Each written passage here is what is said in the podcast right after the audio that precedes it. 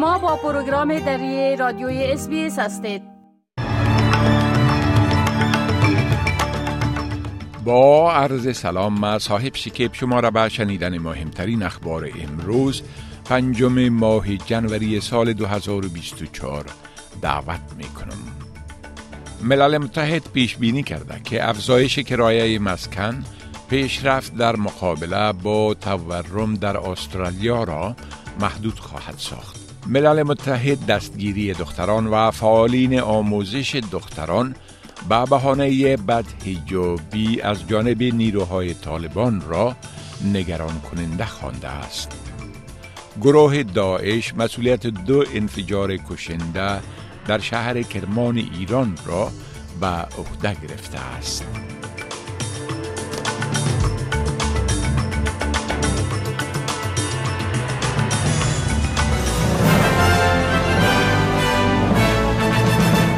تفصیل اخبار اداره پروژه های سازمان ملل متحد پیش بینی کرده که افزایش قیمت کرایه خانه ها احتمالاً پیشرفت در مقابله با تورم در استرالیا را در سال جاری محدود خواهد ساخت.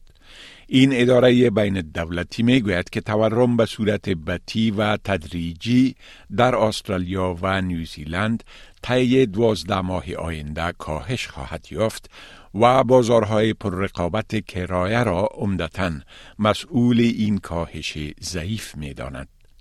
در گزارش وضعیت و دورنمای اقتصادی جهانی 2024 ملل متحد پیش بینی شده که تورم در استرالیا و نیوزیلند در سال 2024 به دلیل سرعت در افزایش قیمت کرایه ناشی از کمبود عرضه مسکن نسبتاً بالا باقی خواهد ماند. طبق پیش بینی های ملل متحد تورم در استرالیا در سال 2024 به 3.3 فیصد و در سال 2025 به 3 فیصد کاهش خواهد یافت. تورم استرالیا تا رب سپتامبر در سال گذشته به 5.4 فیصد رسید که این نسبت به رب جون 6 فیصد کمتر بود. دنیس ریچردسن رئیس سابق امنیت استرالیا به حیث رئیس بررسی عملیه انتقال اسناد کابینه سال 2003 به آرشیف ملی تعیین شده است. انتظار می رود که این بررسی در ظرف دو هفته آینده معلوم کند که حکومت قبلی به رهبری اسکات موریسن چگونه نتوانسته 78 دوسیه درباره تصمیم حکومت هاورد برای پیوستن به حمله به رهبری ایالات متحده به عراق را به آرشیف ملی تحویل کند. این اسناد اکنون به دست آمده و به آرشیف داده شده اند و دفتر صدر اعظم و کابینه این عدم انتقال اسناد را به اختلالات ناشی از همگیری کووید 19 در سال 2020 و اشتباهات اداری مرتبط به آن دانسته است. صدر انتنی البنیزی می‌گوید که استرالیایی ها حق دارند از جزئیات روند تصمیم گیری در مورد جنگ عراق مطلع شوند. The National Archives of Australia should release all the documentation uh, that has been provided to them, uh, having account for uh, any national security issues, of course, upon the advice of the national security agencies. But there is no reason why these documentations should be, with the exception of putting people in danger, uh, should be not released in a transparent way. به اساس یک پیشنهاد برای افزایش تعداد افراد نظامی ممکن است به ساکنین کشورهای پسیفیک اجازه داده شود که به نیروی دفاعی استرالیا بپیوندند. مت کیوگ وزیر پرسونل دفاعی استرالیا می گوید که حکومت با در نظر داشت مشکلات در زمینه استخدام راههایی را برای تقویت نیروهای مسلح استرالیا بررسی می کند. یک گزینه این است که به مردم کشورهای خارجی اجازه خدمت در نیروهای دفاع داده شود.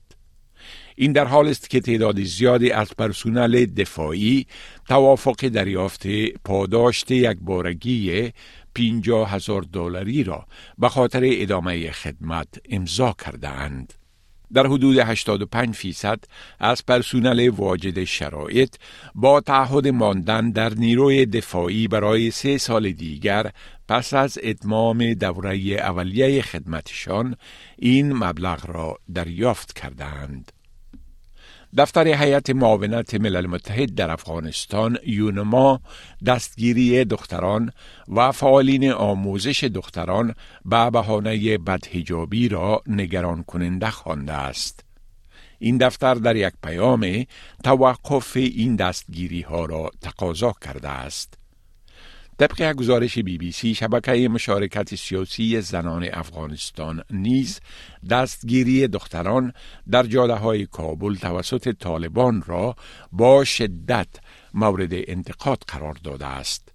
این شبکه در یک بیانیه گفته است که وضعیت به خصوص در دشت برچی طی چند روز اخیر به شدت وخیم شده و طالبان دختران را بسیار وحشیانه به بهانه بدهجابی با خود می‌برند.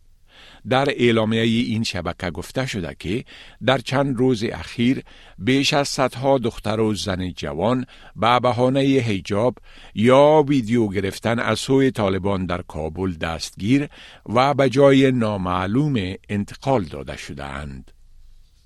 گروه داعش مسئولیت دو انفجار را که روز چهارشنبه در شهر کرمان ایران منجر به کشته شدن بیش از یکصد نفر شد به عهده گرفته است. این دو انفجار در مراسم چهارمین سالگرد مرگ قاسم سلیمانی قماندان ارشد ایرانی که در سال 2020 در حمله تیارات به سرنشین امریکایی در عراق کشته شد رخ داد. قبل از این ادعاهای از دست داشتن امریکا و اسرائیل در این انفجارها وجود داشت اما متیو میلر سخنگوی وزارت امور خارجه امریکا در یک نشست خبری گفت که ایالات متحده هیچ دخالت در این حملات نداشته و هیچ مدرک نشان دهنده دست داشتن اسرائیل هم در این حادثه وجود ندارد. The United States was not involved in any way. and any suggestion to the contrary is ridiculous. And number two, we have no reason to believe that Israel was involved in this explosion. Why not? Uh, we just do not have any information to believe that that's the case. الکساندر مریزخو رئیس کمیته روابط خارجی پارلمان یوکراین تبادله اخیر زندانیان بین کشورش و روسیه را بسیار مهم خوانده است. آقای مریض خو گفت که این برای یوکراین تعجب آور بود و افزود که این مایه جشن و خوشی فراوان است زیرا این بزرگترین تبادله زندانیان از زمان تهاجم وسیع روسیه به یوکراین می باشد.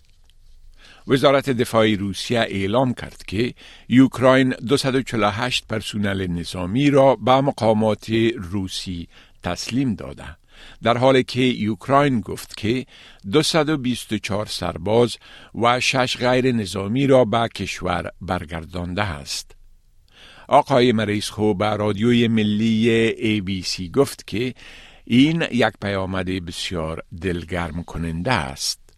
And our president has said that even though it took so long to uh, to take um, uh, the swap to make the swap, uh, nevertheless the negotiations never stopped. با یک شفاخانه در غرب سیدنی پس از آن دوازده ماه مهلت داده شده تا عملیاتش را اصلاح کند که یک تفتیش دریافت که متخصصین ارشد به قدر غرق کار بودند که نمی توانستند کارکنان جوان را آموزش دهند. رسانه های چینل نو گزارش دادند که درجه برنامه آموزشی رادیولوژی شفاخانه کانکورد پس از تفتیش از جانب کالج سلطنتی رادیولوژیست های استرالیا و نیوزیلند به دی تقلیل داده شده. در این گزارش گفته شده که بعضی از کارکنان آنقدر خسته بودند که پس از های طولانی کار در تصادفات رانندگی درگیر شدند. مفتش به بخش رادیولوژی شفاخانه کانکورد تا دسامبر سال جاری مهلت داده که در مورد 13 توصیهش دست به کار شود. هولی هیوز سناتور لیبرال نیو ساوت ویلز به چینل نو گفت که شنیدن درباره این وضعیتی که کارکنان به آن مواجهند بسیار نگران کننده است.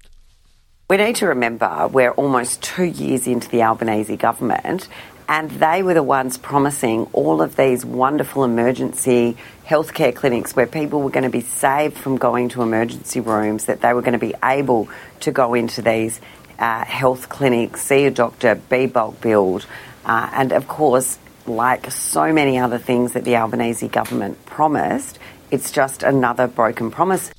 با غرق شدن یک مرد 53 ساله در سواحل جنوبی نیو ساوت ویلز شمار مردمی که در اثر غرق شدن در تابستان جاری جانهایشان را از دست داده اند افزایش یافته است. با مرگ این مرد در اثر غرق شدن در یک دریا تلفات تابستانی ملی استرالیا از این ناحیه از اول دسامبر به بیش از چل نفر رسیده است. خدمات اضطراری حدود ساعت سه بعد از ظهر روز پنجشنبه به دریای یواکا در نیدرکوت در نزدیک منطقه ایران فرا خوانده شدند. طبق گزارش ها این مرد 53 ساله در آب پرتلاتم در حال جدال بود و پلیس و امدادگران امبولانس نتوانستند او را نجات دهند. در حالی که استرالیایی ها برای تفریح به دریاها و سواحل در سراسر کشور می روند، تعداد غرق شدگان تابستانی تا کنون بیشتر از عین همین وقت در سال گذشته است. این بود گزارش مهمترین رویدادها از برنامه دری رادیوی اسپیس.